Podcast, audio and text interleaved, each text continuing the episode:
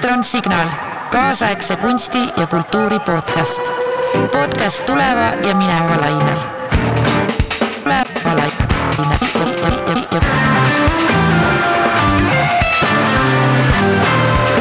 elektron,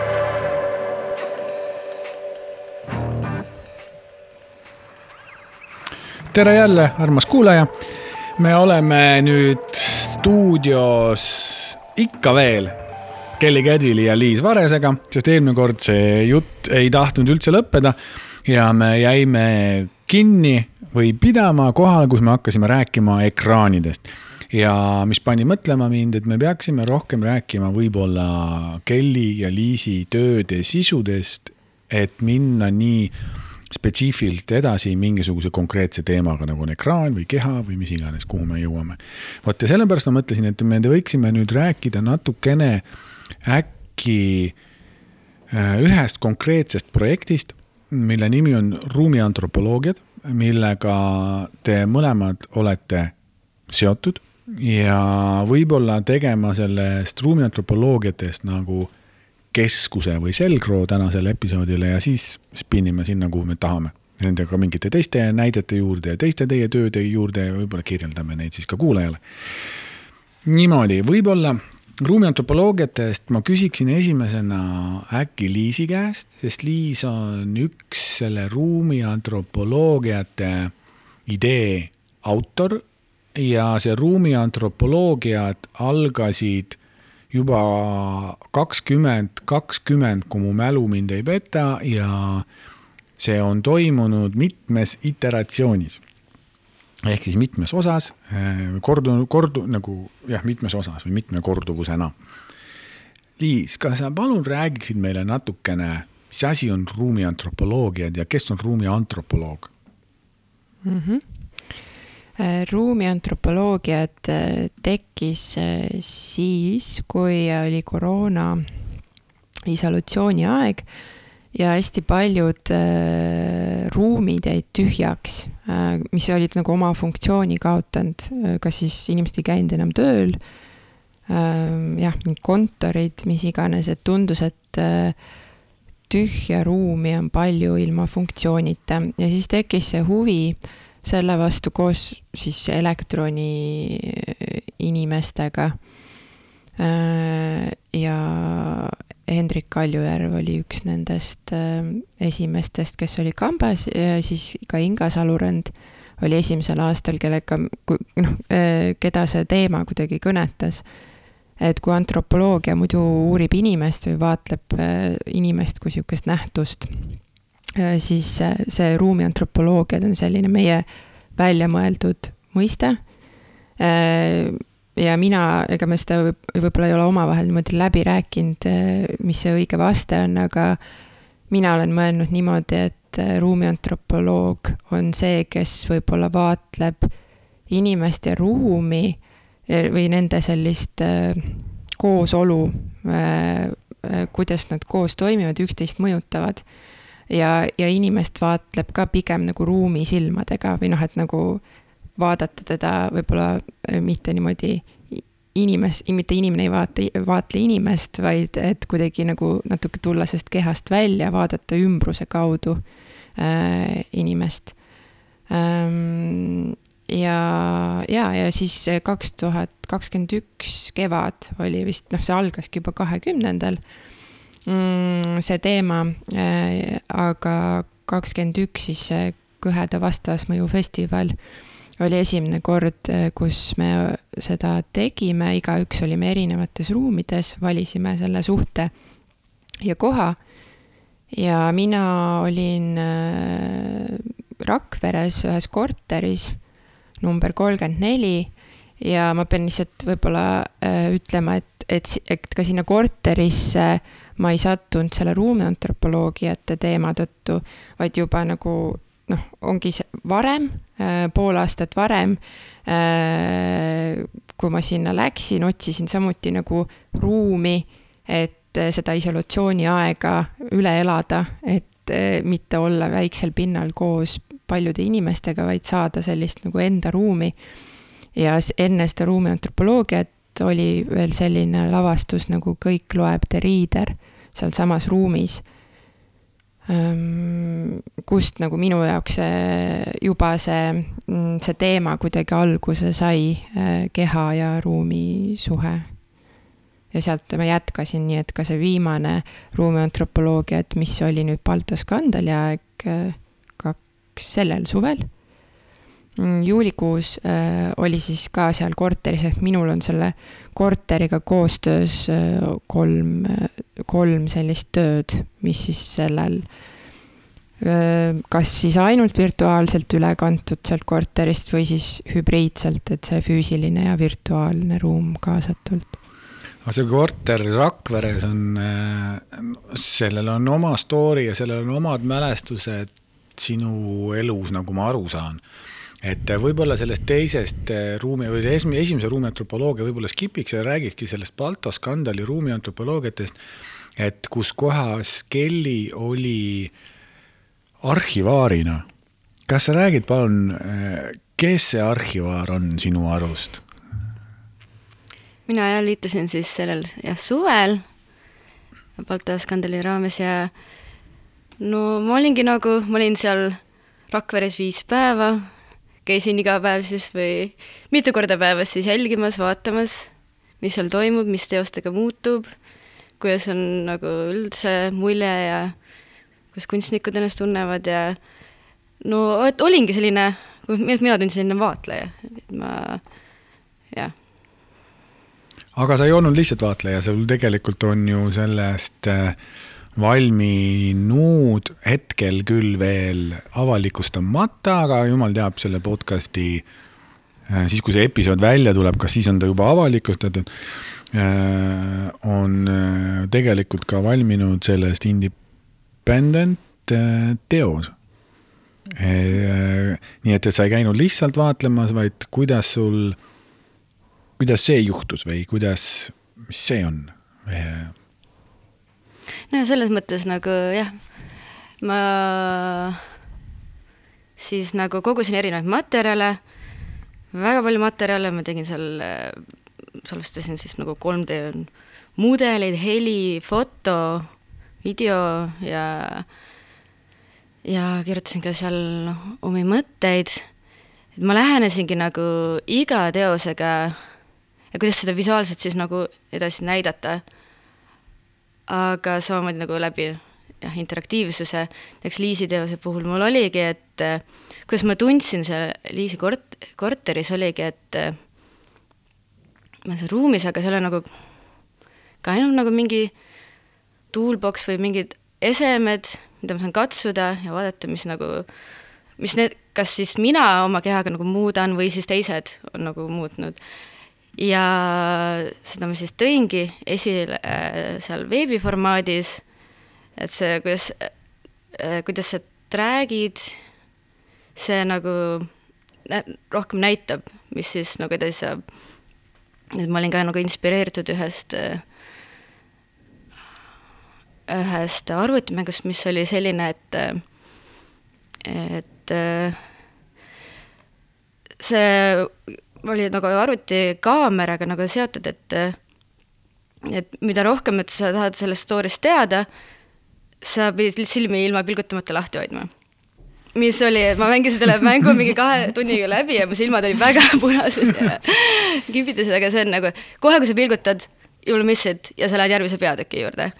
et, et samamoodi, et seda kuidagi tuua, seda sellist äh, vaate või sellist nagu avastamist sinna äh, füüsilisest siis ka nagu virtuaalsesse maailma. et see oli mu mõte võib, ma küsin äh, vahele korra lihtsalt enda huvist. Äh, äh, jah, meil olid Tanel Rander ja siis Kelly olid need arhivaarid, kellel oligi ülesanne teha nagu iseseisev kunstiteosed või kuidas iganes nad soovisid seda arhiveerimist tõlgendada, seda nagu meie ette ei öelnud, et milline meie töö peab kuidagi hiljem välja paistma. Aga kui, kui raske või kerge oli neid noh, seda ruumi kuidagi virtuaalsesse ruumi ainult tõlkida või, või noh, et või, või just see, et see on kellegi minu jaoks on see hästi äge, et äh, keegi on teinud mingist e-, minu tööst justkui eraldiseisva töö.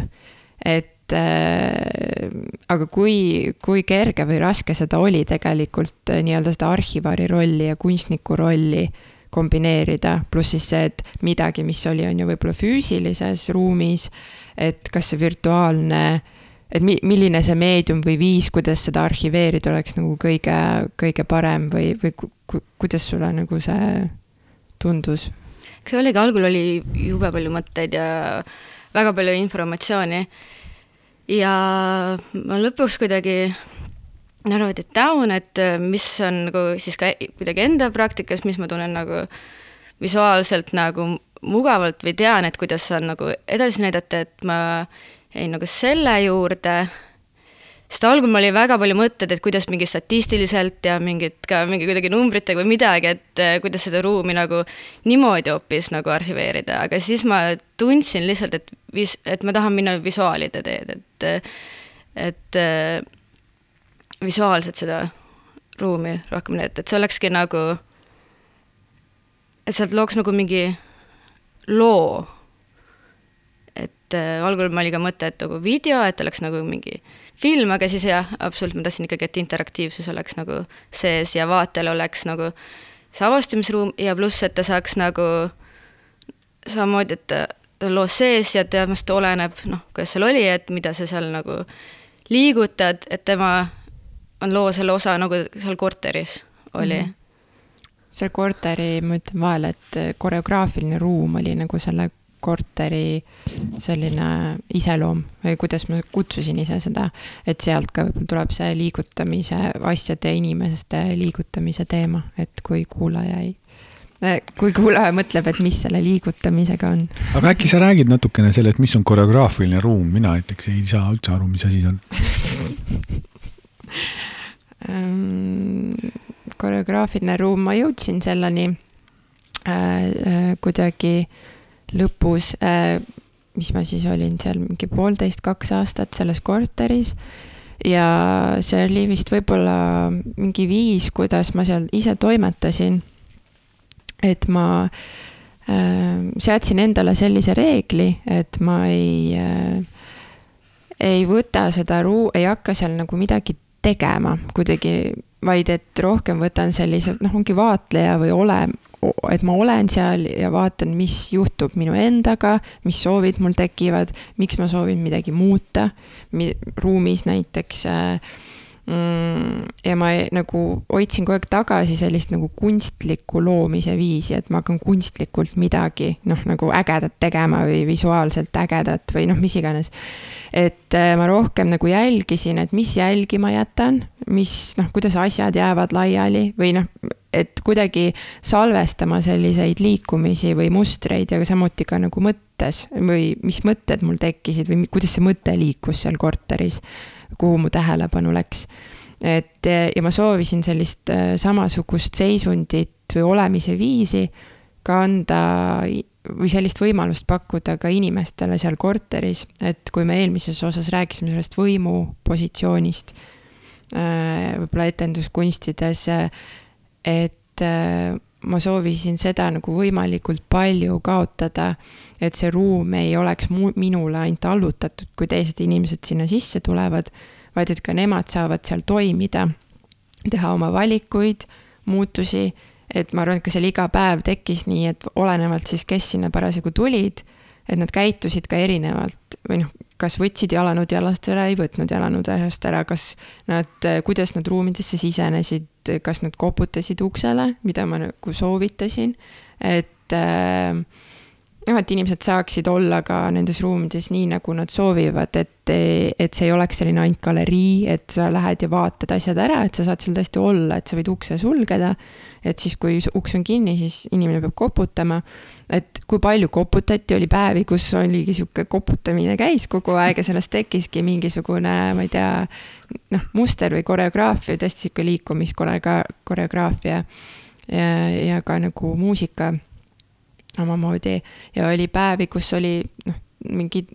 teist laadi olemine, äh, ja ka hetked, kus võib-olla inimene oli üksinda selles korteris ainult ja mitte kedagi teist ei olnud või me olime kahekesi ja oli hetki, kus oli seal kakskümmend inimest korraga. et, äh, et see, ma arvan, et see kogemus oli nagu hästi erinev, oleneb sellest hetkest, et võib-olla see on, võib-olla ma, kui sa saad nüüd natuke aru, mida ma selle koreograafilise ruumi all mõtlen või miks ma seda niimoodi kutsusin.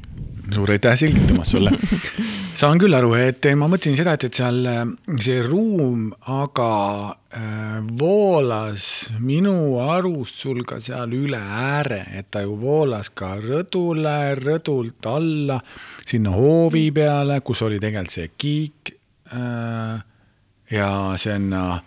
veel kolm meetrit edasi sinna aia taha, kus kohalikud noored õlut joovad ja mussi kuulavad, et eh, kuidas sulle see tundus nagu nii-öelda kohaliku kogukonna suhtes, et see ruum, mis voolab üle ääre nagu laiali siin, kuidas sulle see või mis mõtteid sul sellega nagu tekib? või äh, kellel samuti, eks, kui sul tekib mõtteid sellega, et ja aga ma tooks ka seal, et seal ka voolas ka virtuaalsesse maailma seda, et äh, mul oli ka, ka selles töös virtuaalne aken äh, seal, et kust kaudu sai jälgida seda, mis seal ruumis toimus, küll ühe ruumi kaudu, mitte sa ei saanud ülevaadet kõikidest tubadest, mis seal oli, aga see oligi sihuke aken. Äh, aga see, ka seda vaadet said külastajad muuta. Ja ja see aken oli siis äh, selles, et seda said veebivaatajad mm, -hmm. inimesed said veebist vaadata siis point of view'd sellest toast mingisugust mm. -hmm. ja teha ka neid äh, pilte nagu screenshot'e. jälgijate ka veebi. jah, ja et samuti jah. Äh, oota, mis ma tahtsin öelda. üle ääre rääkida. üle, üle ääre jah, et, et nagu see aken mulle tundub, et äh, no täpselt, et kus need piirid on, noh, mingid ruumipiirid või ka kehalised piirid, et et mulle tundub, et on nagu oluline hoida seda mm, et kõik ei ole ju ka visuaalne, mis, mida me nagu kogeme, et või et kui ma olen ühes, me oleme siin praegu selles toas, see ei tähenda, et siin kõrval Beckeris ka samal ajal toimub mida, või noh, et, et või mingid hääled kuskilt ülevalt on ju tulevad, et see on ka kõik tegelikult ka minu kogemuse osa või noh, et see ei ole ainult see minu, minu tuba et siin see maailm lõpeb, noh nagu mis tihti võib tekkida, noh nagu see tunne. et või samuti see füü-, nagu füüsiline virtuaalne maailm, et ma olen füüsilises maailmas, aga tegelikult on ju tohutu virtuaalne maailm seal ümber või nagu, mis on kogu aeg aktiivne, kuhu ma saan ka sisse minna. Et see, see väline ruum äh, või mis oli seal hoovis, see oli, ma vaatlesin seda täpselt samamoodi sealt rõdu pealt. Ja ma ütlen, et kõige suurem minu jaoks see avastus või selline, et kui enesekeskselt ma siiski olin seda kõike vaadelnud, oli siis, kui ma läksin ise sinna maja taha, kus oli see kiigeplats ja istusin selle, no siis veel oli seal see kiik, mis seal originaalis oli ja vaatasin seda ja noh, mis pilt siis avaneb sellest sellest hoonest või kus on minu korter seal sees paljude nende korterite vahel või reaalsuste vahel. Et see, see nagu mm, oli selline äh, väga mõjus või mulle tundub, et noh, kuidas ma ütlen, et ma ei tea, ma ei oskagi vist nagu seda kuidagi seletada, et, et see endast välja nagu tulek on minu arust nagu oluline, et me ikkagi piirame selle oma teadvuse või ka selle kohalolu sageli nende füüsiliste seintega või noh, kus me oleme. et korraks, kui sa tuled nagu välja ja vaatad seda väljaspoolt, saad aru, kui väike sa seal sees oled või ma ei tea. ja see mõni tekkiski mõte kohe sellega seoses, et et sellel tegelikult, kui sa ütlesid, et seal oli ka nii-öelda mm, virtuaalne aken sinna, et, et ta tegelikult see, mulle tundub, et selles selle nii-öelda see voolamine või ülevoolamine sinna hoovi peale, kogukonda nii-öelda selle samamoodi ta voolab äh, noh, nii-öelda selle netivaataja sai jõuda ja jätta oma netikeskkonda neid trace'e sellest ruumist, kus kohas saab nüüd praegust vaadates saab ka tegelikult veel rekonstrueerida seda kogemust, et kuidas see oli, et see tegelikult ju, et ta voolas ka ajas ringi, et, et ta ei ole nagu, ta ei olnud ainult see kogemus seal, vaid ta ongi niimoodi, näiteks seal nüüd need vaatajad saavad rekonstrueerida, mis seal toimus. vaatajad saavad minna Kelly lehele ja vaadata seal, kuidas sellest tõlgendus või tran-, noh, transformatsioon on toimunud ja mis seal tegelikult on ju seal on ju kasutatud katkeid selles ruumis toimunust, seal on kasutatud katkeid nagu pildikatkeid, seal on nagu ja mis siis nagu tekivad, kui sa siis, kui sa jagad ära, kuidas see number, kuidas see, kuidas see loogika seal on, siis sa, sa saad nagu rekonstrueerida seda kogemust. aga samal ajal oli ikka kohapeal, oli ju tegelikult olid need äh, kaks ekraani minu arust sul seal kohapeal, kus kohas üks äh, oli samuti Trace aasta tagasi mm sellest esimesest ruumiantropoloogiast, kus mm -hmm. kohas oli siis äh, Liis, ma ei tea, kas sa rääkisid Liisiga sellest, et oli see minu arust nagu täiesti vapustav äh, live oli tal, mis jäi nagu totally unexplained ja nagu noh, et täiesti jäi tähelepanu alt kõigile välja. aga oli see, kus kohas Liis tegi nagu, nagu fookusest väljas kaameraga liikus sealsamas korteris ringi ja ta sai fokusseerida ainult nii, tal oli niisugune makrolens oli vahel, et ta sai nagu, see makrorõngas, et ainult fokusseerida mingisuguse, ma ei tea, kümne sentimeetri kauguselt. mis siis tähendas seda, et ta nägi, kuna tal on tegelikult on miinus sada prillid, et ta siis näeb, et siis kuidas Liis näeb maailma, kuidas Liis tegelikult seda tuba näeb, kui ta on oma kehas, nii nagu ta on, ilma mingisuguse no nii-öelda keha, ma ei tea Äh, enhance ivate device ideta, mis on siis nagu prillid tal mm. -hmm. et äh, no kuida-, noh, see, see kestis kolm tundi tal nagu noh, et, et see oli noh, täiesti vaadatamatu nagu,. et äh, kui no ja pärast hiljem, kui ma küsisin, rääkisin inimestele, kuulge, nägite seda, see oli selline, selline, selline. siis öeldi nagu noh, Viljandist koolist, no, mm -hmm. no kurat, et seal ei olnud kirjas see, et mis selle kontseptsioon on, sellepärast et oleks teadnud, mis on see kontseptsioon mm, -hmm. oleks nagu jälginud praegust kõik vaatasid lihtsalt blurred pilti nagu. ega et... ta tegelikult oli ikkagi rohkem fookuses kui blurred pilt jah, jah, aga nagu selles mõttes see makro või see level oli selline mm. -hmm. Ja, aga, aga mis ma tahtsin? ei, vabandust, vabandust, räägi, räägi. ma tahtsingi öelda seda, et eh, ega see oligi see ruumiantropoloogia tüks eh, või kõik ju need, eh, nüüd see viimane oli ilm, ilmselgelt kõige teadvustatum selles keskkonnas. et need ongi olnud sellised äh, katsetused või noh, et aru saada, et mida üldse selles keskkonnas edasi anda või noh, kuidas, mis on need nagu võimalused. et noh, seesama, see küsimus sellest kontseptsioonist, et ongi, et kui teadlik ma ise olin noh, sellest, et kui palju peaks ütlema ja mida peaks ütlema selles keskkonnas, kui ka see kõik minu jaoks on nagu hästi uus meetod või viis, kuidas see ruum, noh, kuidas seda, kuidas nagu keha sinna panna et, äh, et jah, tagantjärgi ma mõtlen ise täpselt samamoodi, et, äh, et oleks ju, et see võti oleks pidanud seal olema. Üks asi veel, et sellest aknast, et kui me räägime aknast, on ju, siis see on seal, noh, minu jaoks on see, Lev Manovitši see kontseptsioon, et kuidas arvutiekraan on aken mingisugusesse järgmisse ruumi või mingisugusesse teise dimensiooni, siis seal oli, sul oli üks piikene kapp ja selles kapis oli ekraan ja selle, see oli aken äh, Sten. see oli äh,. kus see aken oli? Sander Saarmets ja, ja Jan Kausi äh, see. Unusta. virtuaalne jah, või sihuke online installatsioon. Unusta oli seal kapis, külaline nagu. aga kuidas selles kapis, äh, mis ta tegi seal kapis? mis, mis tema seal kapis tegi? Või miks ta sinna sai või? miks ta sinna sai ja mis see, mis see installatsioon seal kapis tegi see, ta tuli sinna kappi sellepärast, et mm, noh, ma ütlen, et seal korteris ma jälgisingi mitte ainult nagu enda füüsilist, ka sellist äh, vaimset äh, teekonda või mõtteid ja, ja, ja siis äh, see ta, mulle tundub, et ta representeeris just ka seda virtuaalset ruumi, mis oli selles korteris olnud väga suur osa sellest korterist, et ta nii-öelda esindas äh, või noh, oli justkui salvestus või märk sellest jäljest ka seal ruumis.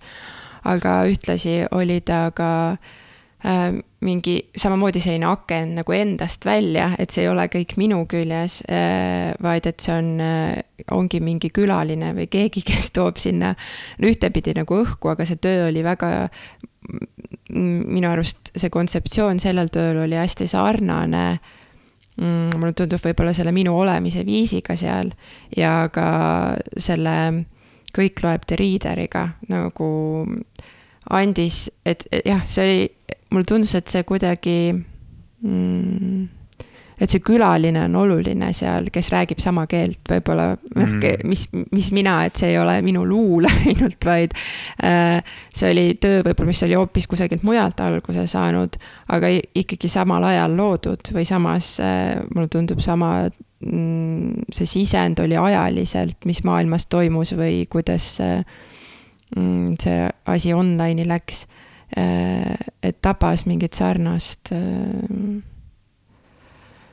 Äh, sarnast seisundit. Äh, ja kui ma lihtsalt veel mõtlen, et selle nimi oli Unusta, on ju, ta tegeles sellise unustamisega pigem kui mäluga, siis see korter võib-olla võiks siduda just pigem sellise mäluga või mingi mälestusega millestki,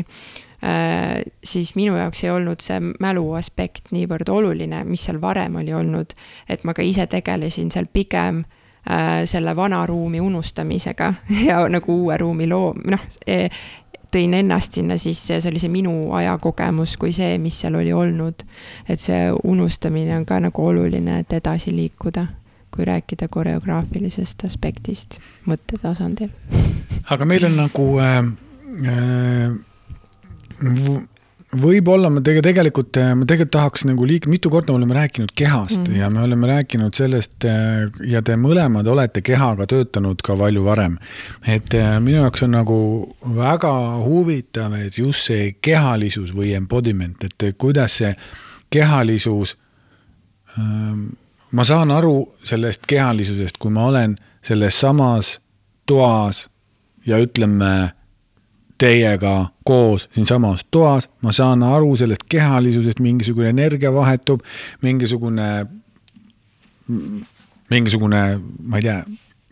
energiaväli saab loodud. aga kuidagi see mõte, et, et kui, kui meid vahel nagu katkestatakse ja see signaal käib ümber maakera, kuskil põrkab satelliitide vahelt ja digit-, vahepeal digitaliseeritakse nagu pakitakse kokku, põrkab ringi, pakitakse lahti kuskil jälle, näidatakse kuskil ekraanil, kõlaritest tuleb heli, mis nagu representeeriks kinda mind teises kohas ekraani peal. et kuidas selline transformatsioon, te tunnete, kuidagi kajastub te, nagu või kajastub teie töös või siis mitte, aga võib-olla enne seda küsimust tegelikult oleks vaja üldse küsimuse, võib-olla te räägite nagu paari sõnaga, et kuidas kehalisus üldse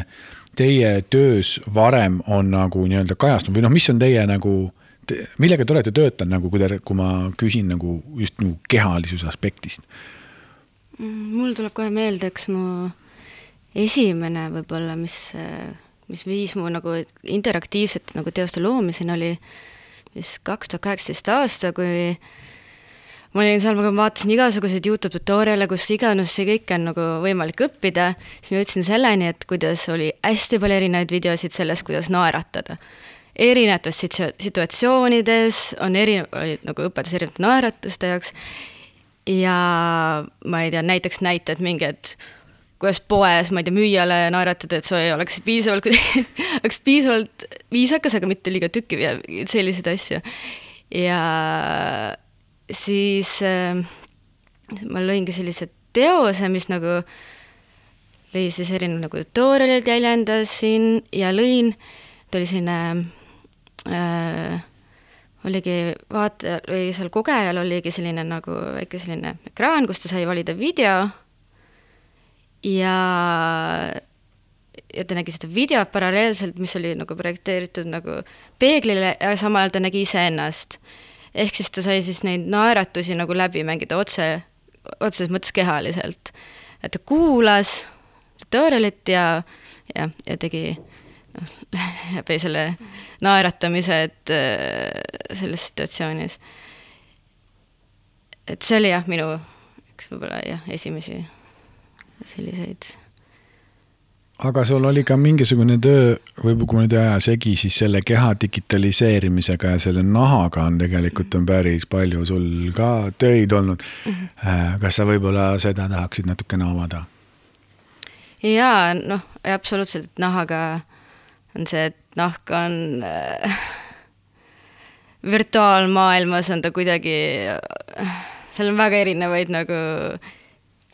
esitlemisvorme, võib öelda, et et see, mis mind huvitas, oligi see, et see jah, see muutub, selle otstarve kuidagi nagu, nagu muutub, et see füüsilises on sel nagu nahk ongi nagu sind kaitsev nagu osa, aga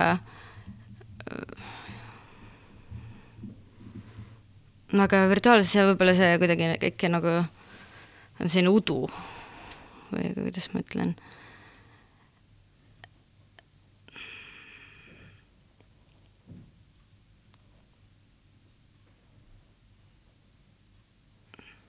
aga mis virtuaalses maailmas kaitseb? lihtsalt sihuke. ei, ma jäin ka mõtlema, ma jäin mõtlema nagu siin, et, et mis on digitaalne nagu, nahk nagu. jah, mis on digitaalne. see ongi erinevad filtrid filtrid ja võib-olla sellised, see võib öelda, et see on äkki mingi kaitse. ja, aga kas see sind kaitseb nagu filter selles mõttes, et sa hüperreaalsuse filter, et sa teed ennast siis mingisuguse, sa mõtled seda nagu mingi näofilter, et nagu, mis teeb sinust mitte mm. -hmm. ja ma mõtlen just seda, et, et nagu, kui sa räägid sellest nahast, siis ma vaatasin neid töid ja minu arust on väga sihuke inspireerivad ja ja siis ma mõtlesin ka selle peale neid nagu, et samal ajal nii-öelda mulle tundub, et nahk noh, ei ole ju ma ei tea, aga mis saab olla veel lähedasemad kui kaks nahka üksteise vastas. ja, ja samal ajal see on midagi või selles mõttes selline, mm, ma ei tea, haptiline kogemus on nagu teistmoodi kuidagi noh digitaalselt, seal on maru suur research on, kus üritatakse seda nagu taas luua, pannakse mingi materjal peale, kus kohas siis, mis survestab. aga see ei ole ainult surve, see ei ole nagu ainult äh, mingisugune, mingisugune näppude nagu simulatsioon, kus mingi tekstiil teeb seda, vaid see on ikkagi mingi muu, see on mingisugune soojus, mingisugune noh, mingi lähedus, et äh, ei, ma peaks mõtlema, et nende kehade ja selle naha ja selle nagu digitaalse selle vahe suhtes, et nagu see soojus ju tegelikult jääb ju ära. aga kas seda on võimalik asendada kuidagi, äkki seda on võimalik simuleerida kuidagi mingisuguse teise, teise aistinguga? See mõte mul edasi enam ei lähe praegu, ma rohkem seda ei oska mõelda. võib-olla Liis, äkki sina räägi kehadest natukene, enne kui me nahaga tõmbame ennast naha üle kõrvade enne. Mm, mina olen vist, mitte vist, vaid kindlasti olen tegelenud sellise asjaga, et äh, mind on huvitanud erinevate kehade kokkuviimine. Äh, keha all ma pean silmas alati mitte füüsilist, vaid kogu komplekti tervikut, äh, mis ka peas toimub, mis teadvus, kuidas me reaalsust tajume oma kehades milline on meie taust või füüsiline keha, noh, et, et kogu seda tervikut. ja mind on huvitanud see, et äh, kaasaegne keha on olnud mul selline põhihuvi, objekt. Äh, et kui ma olen õppinud kaasaegset tantsu, siis mul alati oli see küsimus, et aga keegi ei õpeta, et nagu, mis on kes on kaasaegne keha üldse, et äh, mulle tundus, et neid kehasid on nii palju erinevaid, aga ikkagi tantsus on nagu mingi vorm, noh et äh, mis väga palju siis sellest klassikalisest äh, vormist ei erine, noh et, et sul on ikka kaks kätt, kaks jalga ja noh, võimekus peab olema väga tegelikult sarnane, mis on alati füüsiline võimekus et jah, see mõte on sinna juurde tulnud nagu kontseptsioonid ja ideed, mis on võrd, võrdselt olulised kaasaegses tantsus kui füüsiline eneseväljendus. Aga siiski, et mind huvitas selline keha üldisemalt, et äh, kes need inimesed on me, minu ümber, äh, kellel on võib-olla väga erinev, erinevad tajud. Ja siis ma olengi proovinud neid, äh, ma olen võib-olla suhtunud rohkem kui materjali sellesse kehasse, et, et kui vaadelda, et panna kokku kaks materjali, et mis siis mis neid seob või kus, kas nad leiavad mingisuguse, sulanduvad nad kokku, kus nad põrkuvad, noh, mingi selline, selline asi on mind huvitanud. et, et jah, ma olengi alustanud tegelikult, kui ma ja oma esimesed kokkupuuted nagu koreograafina ja õpetajana ka on olnud tegelikult vaimse erivajadusega inimestega, noh, et sealt on nagu kuidagi mul tekkis see huvi sellise erinevuse vastu. Ja, ja siis miks ma üks hetk, eh, ma ütlesin, et ma seal mustas kastis sündisin ja siis nagu tahtsin sealt välja saada, siis mulle tunduski, et et selles kastis jääb see füüsiline keha nagu alati kuidagi ette ikkagi lõpuks äh, sellele muudele tasanditele. et me mm, kuidagi ka praeguses ajas ju inimesed, kui palju me seda füüsist nagu kasutame, et äh, kasutame küll, aga me peame nagu justkui eraldi tööd tegema, et ennast hoida kuidagi töös. et hästi palju seda liikumist toimub peas, ma ei tea, ongi arvuti taga, et noh, et see füüsis, kui palju see meie kohta räägib, et aga ometi me justkui hindame kogu seda kehas olemist mingi füüsise kaudu, et mul jäi see kuidagi ette. Ja, ja siis mul oligi soov äh, see füüsis või visuaalne selline kujutis inimese kehast ära kaotada, et äh, saada aru, et mis äh, et kuidagi anda teistmoodi seda mm, kehas olemist läbi teiste meelte või aistingute edasi, et see on olnud minu see eh,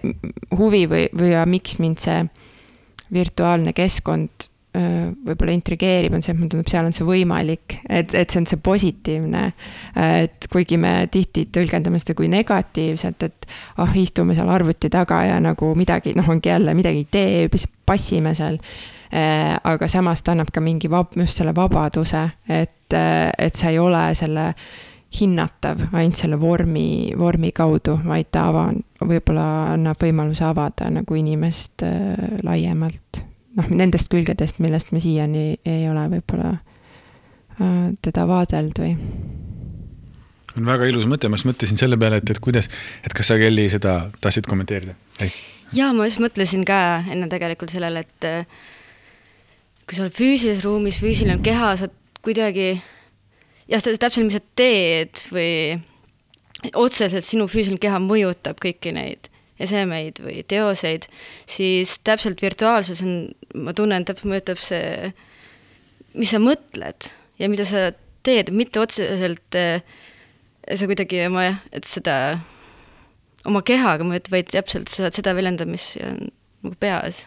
jah. Siis mõtlesin ka, et selle peale just, et, et ma mõtlesin sellesama näiteks sinu selle töö peale nahaga ja naha ja sellest, et kuidas, et äh, äh, kuidas nagu virtuaalsest, sest sa, lugesin kuskilt äh,, kus sa kirjutasid äkki sellest keha täiustamisest. Ja keha täiustamisest ja näiteks naha täiustamisest ja niimoodi, et kuidas nagu digitaalselt loodud nahk tegelikult natukene mõjub irooniliselt nagu iseenda vastu, sellepärast et kui digitaalselt nagu perfektne nahk ei ole noh, see ei ole mitte midagi, seda nahka ei ole tegelikult digitaalselt üldse vaja, nagu ta, ta sümboliseerib midagi, mida, mis meil päriselus on vaja selleks, et me ei noh, kaitse, kaitsekihina, eks ju. et ja kuidagi seal selle keha täiustamine uhuhuu, ma nüüd korraks proovin saada tagasi sinna, et, et Liis äh, rääkis äh, sellest äh, kehast ja keha nagu kaotamisest ja keha nagu transformeerimisest nagu ja siis ma mõtlengi praegust, et kuidas selle, et mida see keha teeb ja ma olen viimasel ajal nagu järjest rohkem leidnud ennast nagu mõtlemast, et, et kuidas, et see keha on ju alles, et ma olen ju siin tegelikult olen ma kehaga ja ma korraks siis läbi mingisuguse ekraani ja siis uuesti avanen seal mingisuguses teises ruumis, mis on siis whatever ruum, eks ju. Äh, kus kohas toimub siis see kunstisündmus ja samal ajal see keha äh, nagu transformeerub millekski. näiteks see on sama, näiteks, mis sa enne ütlesid, The Reader äh,, see kõik loeb The Reader, kuidas selles lavastuses keha kadus, oli see nagu see absence või nagu noh, et, et see keha kaotamine.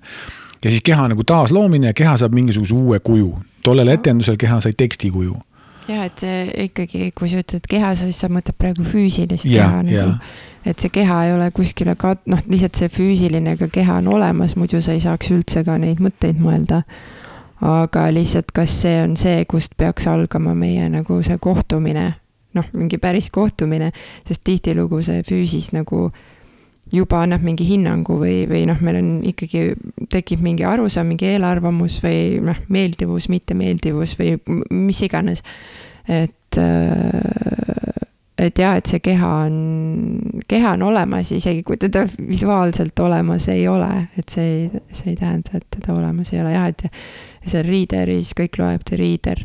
oli ta ka olemas, väga olemas, sest muidu see tekst ei oleks saanud ekraanile ilmuda mm, -hmm, sest seda mhm. tegi füüsiline. seda, sa, ja sa kuulsid, kuidas keha seda teksti lõi, arvuti klõbises ja tekst ilmus ekraanile. et sa nagu saad aru, kuidas see nagu tekib, aga see, sellest tekstist saab selle nagu kuidagi selle keha nagu embodiment nagu.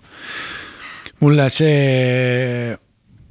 mõte sellest kehalisusest ja sellest, et kuidas keha, just mm, kuidas keha nagu sellises digitaalses kunstis jääb nagu samuti vahele, kui Liis enne ütles, kuidas ta on black box'is kinni ja selles black box'is keha jääb vahele, mina äh, endise tantsijana tunnen nagu samuti, et minu sooritusvõime defineerib minu performeriks olemise.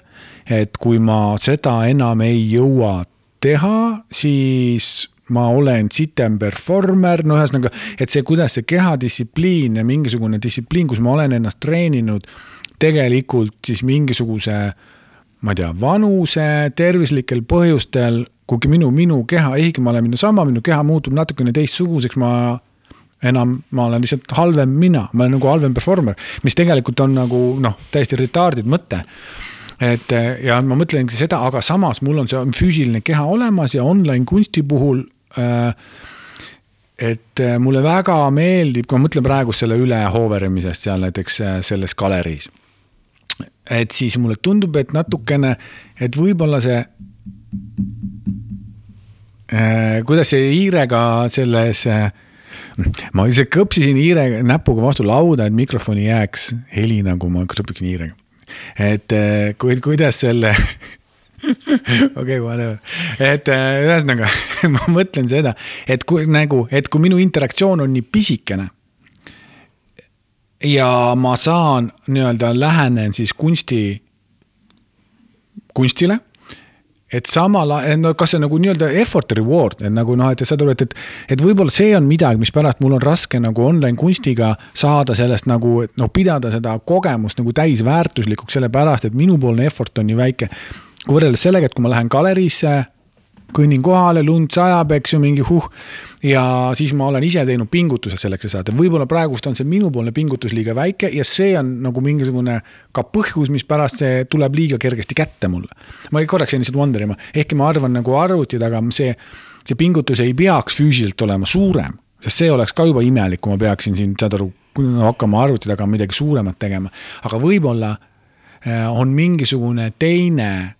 teistsugune pingutus, mis ma pean tegema. ma isegi panen ju enda peas kokku seda täna räägitud, et kuidas, et kui Liis räägib sellest, et kuidas nagu mingisugune vaimne pingutus huh,, jõua seda jälgite või ma panen täitsa hullu? ma ju en- enam-vähem jälgin. mul tuli kaks mõtet sellega seoses. Et üks on. aita sõnastada, palun mul ma ei tea, mida sina sõnastada tahtsid, aga ma saan öelda, mis mõtted mul tulid sellega seoses. et, et võib-olla noh, me eeldame justkui, et see äh, virtuaalses keskkonnas peaks ka see kogemus olema sarnane nagu nendes füüsilistes ruumides, aga võib-olla ei peagi see olema, noh et mida see, ühtepidi ma olen nõus, et kuidagi peab sinna kohale jõudma ka, noh nagu, et äh, kui ma näiteks ka läksin sinna äh, postgaleriisse ja hakkasin vaatama neid töid, siis ma noh, telefoniga, siis ma sain aru, et äkki, äkki see ei ole nagu noh, ma ei saa, et kas see on see, mis kogemus ta on nagu mõeldud, kas see on mõeldud, et ma peaksin arvutis noh, nagu, et see on kindlasti hoopis teine, kui ma selle arvutis lahti teen, noh mingi töö puhul. Et ma pean nagu ise ikkagi ka kuidagi aru saama, mis hetkel ma sinna lähen, no tegelikult nagu ka, ma ei tea, galeriis, kui ka, kas ma astun sealt korraks läbi, mul on viisteist minutit aega, ma lähen galeriist ka läbi või ma võtan päeva, et külastada galeriisid, noh, see on hoopis teine nagu lähenemine. Ja see ongi ka mul küsimus, et, et seda harjumust me või noh, milline see harjumus peaks olema või kuidas me seda nagu ise loome, et kuidas me lähme sinna kohale või milline see kogemus üldse peab olema, kas see peab olema võrreldav, noh, nagu sellise, et ta ongi võib-olla natukene selline scrollav või, või noh, nagu läbijooksev, aga ma ei tea, milline see veel, milline see kogemus peab olema. ja teine asi on see, mis mul tuli mõte ma ei tea nüüd täpselt, kuidas see seostub sinu jutuga, aga ikkagi mul tuli see, et me räägime sellest kehast või, või kuidagi kogemusest ka sellise ideaalse või mingi vormi põhiselt, et mina, kes ma saan minna iga päev galeriisse ja valida noh, nagu teatrisse, aga on olemas inimesed, kelle jaoks äh, Äh, selline kunstikogemus äh, puudub, sellepärast et tal ei ole võimalik noh, näiteks füüsiliselt liikuda, igale poole jõuda, noh nagu äh, kui ma rääkisin ennem ka erivajadusega inimestest, ta võib olla väga noh, aktiivne kultuurihuviline, kunstihuviline, terav inimene, aga tal füüsiliselt ei ole, tal on piiratud võimalused selleni jõuda, et et kui rääkida sellest virtuaalkunstist, siis see oleks mingi ruum, mis avaks nii paljudele inimestele, kellel praegu on need kunstiruumid nagu tegelikult üsna piiratud või suletud. et me ka vaata ise mõtleme sellest justkui mm -hmm. enda positsioonist, kellel meil on nagu noh, et see on vähem või aga kellegi jaoks see on rohkem, see virtuaalne ruum, kui ükski füüsiline ruum, noh et nagu. see ei ole tingimata füüsilisest puudest, me ei räägi, me ei, räägime ka logistilisest puudest ei, nagu noh, et keda ma siis kutsun maakateks ja nagu ei no ongi, et noh, et kas see peab, et miks me ei vaat-, noh, ikkagi me läheneme sellisest äh, ideaalist või noh, kõikidest võimekustest ja tuleme sellisest füüsilisest ruumist, on ju, ja pealinnast vaadatuna, noh nagu ka, et kui sa mhm. selle juurde saad, et kui nagu mõelda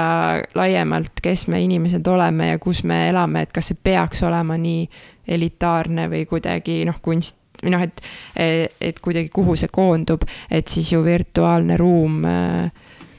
saaks, äh, võimaldab väga paljut, aga me räägime tihti tema puudustest, noh, et. aitäh, ma arvan, et selle mõttega me lõpetame ka meie selle episoodi. ma jätan praegust, ma ei hakka proovima uuesti oma seda sõnastada, oma seda mõtet Äh, jätan selle kuskil tilpnema universumisse ja siis, kui ma kunagi, kui ma see mõte mõtlen selgemaks, siis ma selle lihtsalt artikuleerin uuesti äh, siis mingisuguses järgmises episoodis. aitäh sulle, Liis Vares. aitäh sulle, Kelly Kedvil, Kedvil, et te tulite siia minuga sel teemal rääkima. ruumiantropoloogiat äh, praeguseks hetkeks ei ole veel avalikult äh, vaatajatele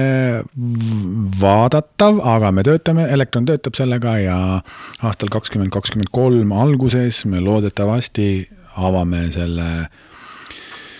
arhiivi. arhiivis kõikidele soovijatele elektron.art platvormil. suur aitäh teile veel kord tulemast ja järgmiste episoodideni. elektronsignaal kaasaegse kunsti ja kultuuri podcast. podcast tuleva ja mineva lainel